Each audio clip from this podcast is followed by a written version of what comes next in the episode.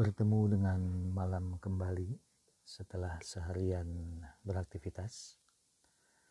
Fahmi akan menemani Anda di malam ini, di malam yang penuh dengan introspeksi.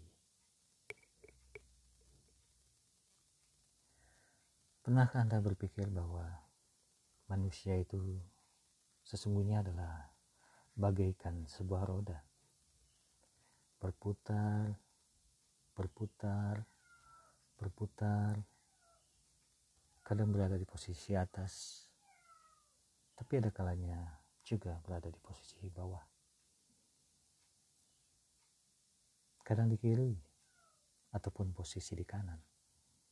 Dalam artian posisi yang baik, ataupun posisi yang kurang baik. Itulah makna dari sebuah hidup bila kita memahami bahwa perjalanan hidup kita selama sekian puluh tahun akan menunjukkan perputaran roda itu lebih nyata lagi. Ingatkah ketika Anda masih kecil misalnya, diajak orang tua Anda pergi ke pasar dengan mengendarai beca ataupun bajai. Betapa senangnya kita duduk di belakang, lihat pemandangan, dikendarai oleh seorang pengemudi, ya. Namun dengan beranjaknya usia, kita tingkatkan lagi level bepergian kita dengan naik taksi misalnya. Atau sekarang dengan taksi online. Dengan beranjaknya waktu lagi. Ditambahnya penghasilan yang lebih baik. Kita memiliki kendaraan sendiri untuk kita kemudikan. Di saat itu pula kadang-kadang kita merasa ya secara implisit sombong. Kenapa?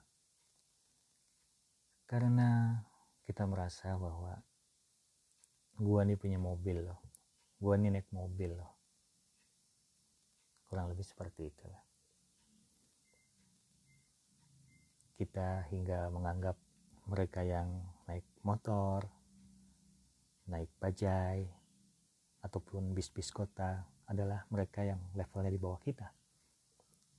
Itu adalah sebuah asumsi. Namun, tidak semua sebenarnya seperti itu.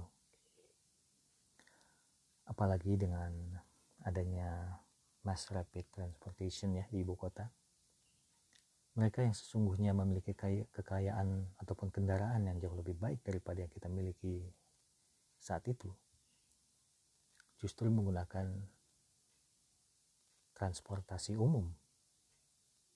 Baik itu trans eh, Jakarta ya ataupun eh, MRT tadi ataupun bahkan KRL Jabodetabek.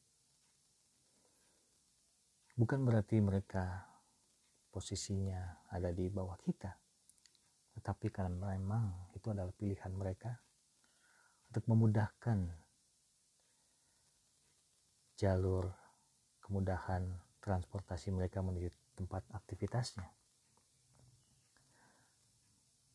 Mungkin alasan utamanya adalah karena terlampau jauh, terlampau lelah, atau terlampau mahal bila justru membawa kendaraan sendiri sehingga keputusan yang diambil adalah menggunakan transportasi umum dengan memarkirkan kendaraan kita di beberapa titik stasiun ataupun halte-halte tertentu yang sudah disiapkan.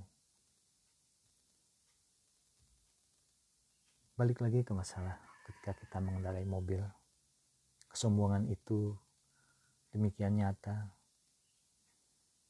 dengan kita ingin selalu berada di depan. Ketika ada motor ataupun mobil yang lelet jalannya di depan kita, kita klakson. Ini, ini. Dengan demikian emosinya. Itu aja udah menunjukkan sebuah keegoan sebenarnya. Bahwa gue harus di depan nih. Lu yang lambat-lambat, minggir. Kurang lebih seperti itulah pesan yang disampaikan ketika kita mengklakson kendaraan di depan kita. Namun dalam kondisi yang lain, harta itu hanyalah titipan Tuhan kepada kita. Sehingga sewaktu-waktu bisa saja diambil kembali. Entah itu dengan musibah ataupun dengan ujian-ujian lain. Kondisi sekarang misalnya ada yang di PHK. Sehingga harta dan kekayaannya harus dijual untuk menyambung hidup dan membiayai keluarganya. rumah, mobil yang tadinya dengan bangga dan sombong kita miliki. Dalam hitungan sekejap saja sudah bisa hilang ke tangan orang lain. Ada pula. Karena sebuah musibah misalnya. Mobilnya koslet sehingga terbakar. Rumahnya koslet hingga terbakar. Itu pun dalam hitungan sekejap bisa hilang. Yang awalnya adalah milik kita namun kalau kita sadari bahwa semua ini adalah titipan ilahi kita tentu akan mengevaluasi diri dan ujung-ujungnya adalah bersyukur bahwa yang hilang hanyalah kendaraan yang hilang hanyalah rumah tetapi kesehatan dan nyawa keluarga kita masih Allah berikan kesempatan untuk kita hidup. Perlindungan ini kadangkalanya kita sadari, namun kadangkala juga harus diingatkan. Karena bagaimanapun namanya manusia sering hilaf dan lupa. Itulah gunanya kita bersilaturahmi dengan orang-orang yang akan selalu mengingatkan kita, baik mengingatkan melalui ucapan-ucapannya, nasihat-nasihatnya, ataupun ingatan kepada kita dengan perbuatan dan tindak tanduknya. Mari kita sama-sama merenung kembali dan mengingat kembali apa pun yang kita miliki saat ini hanyalah sesaat dan merupakan titipan dari yang Maha Kuasa. Karena di ujungnya nanti, pada saatnya nanti, kita semua akan dimintakan pertanggungjawabannya terhadap apa-apa yang telah kita miliki. Selamat beristirahat.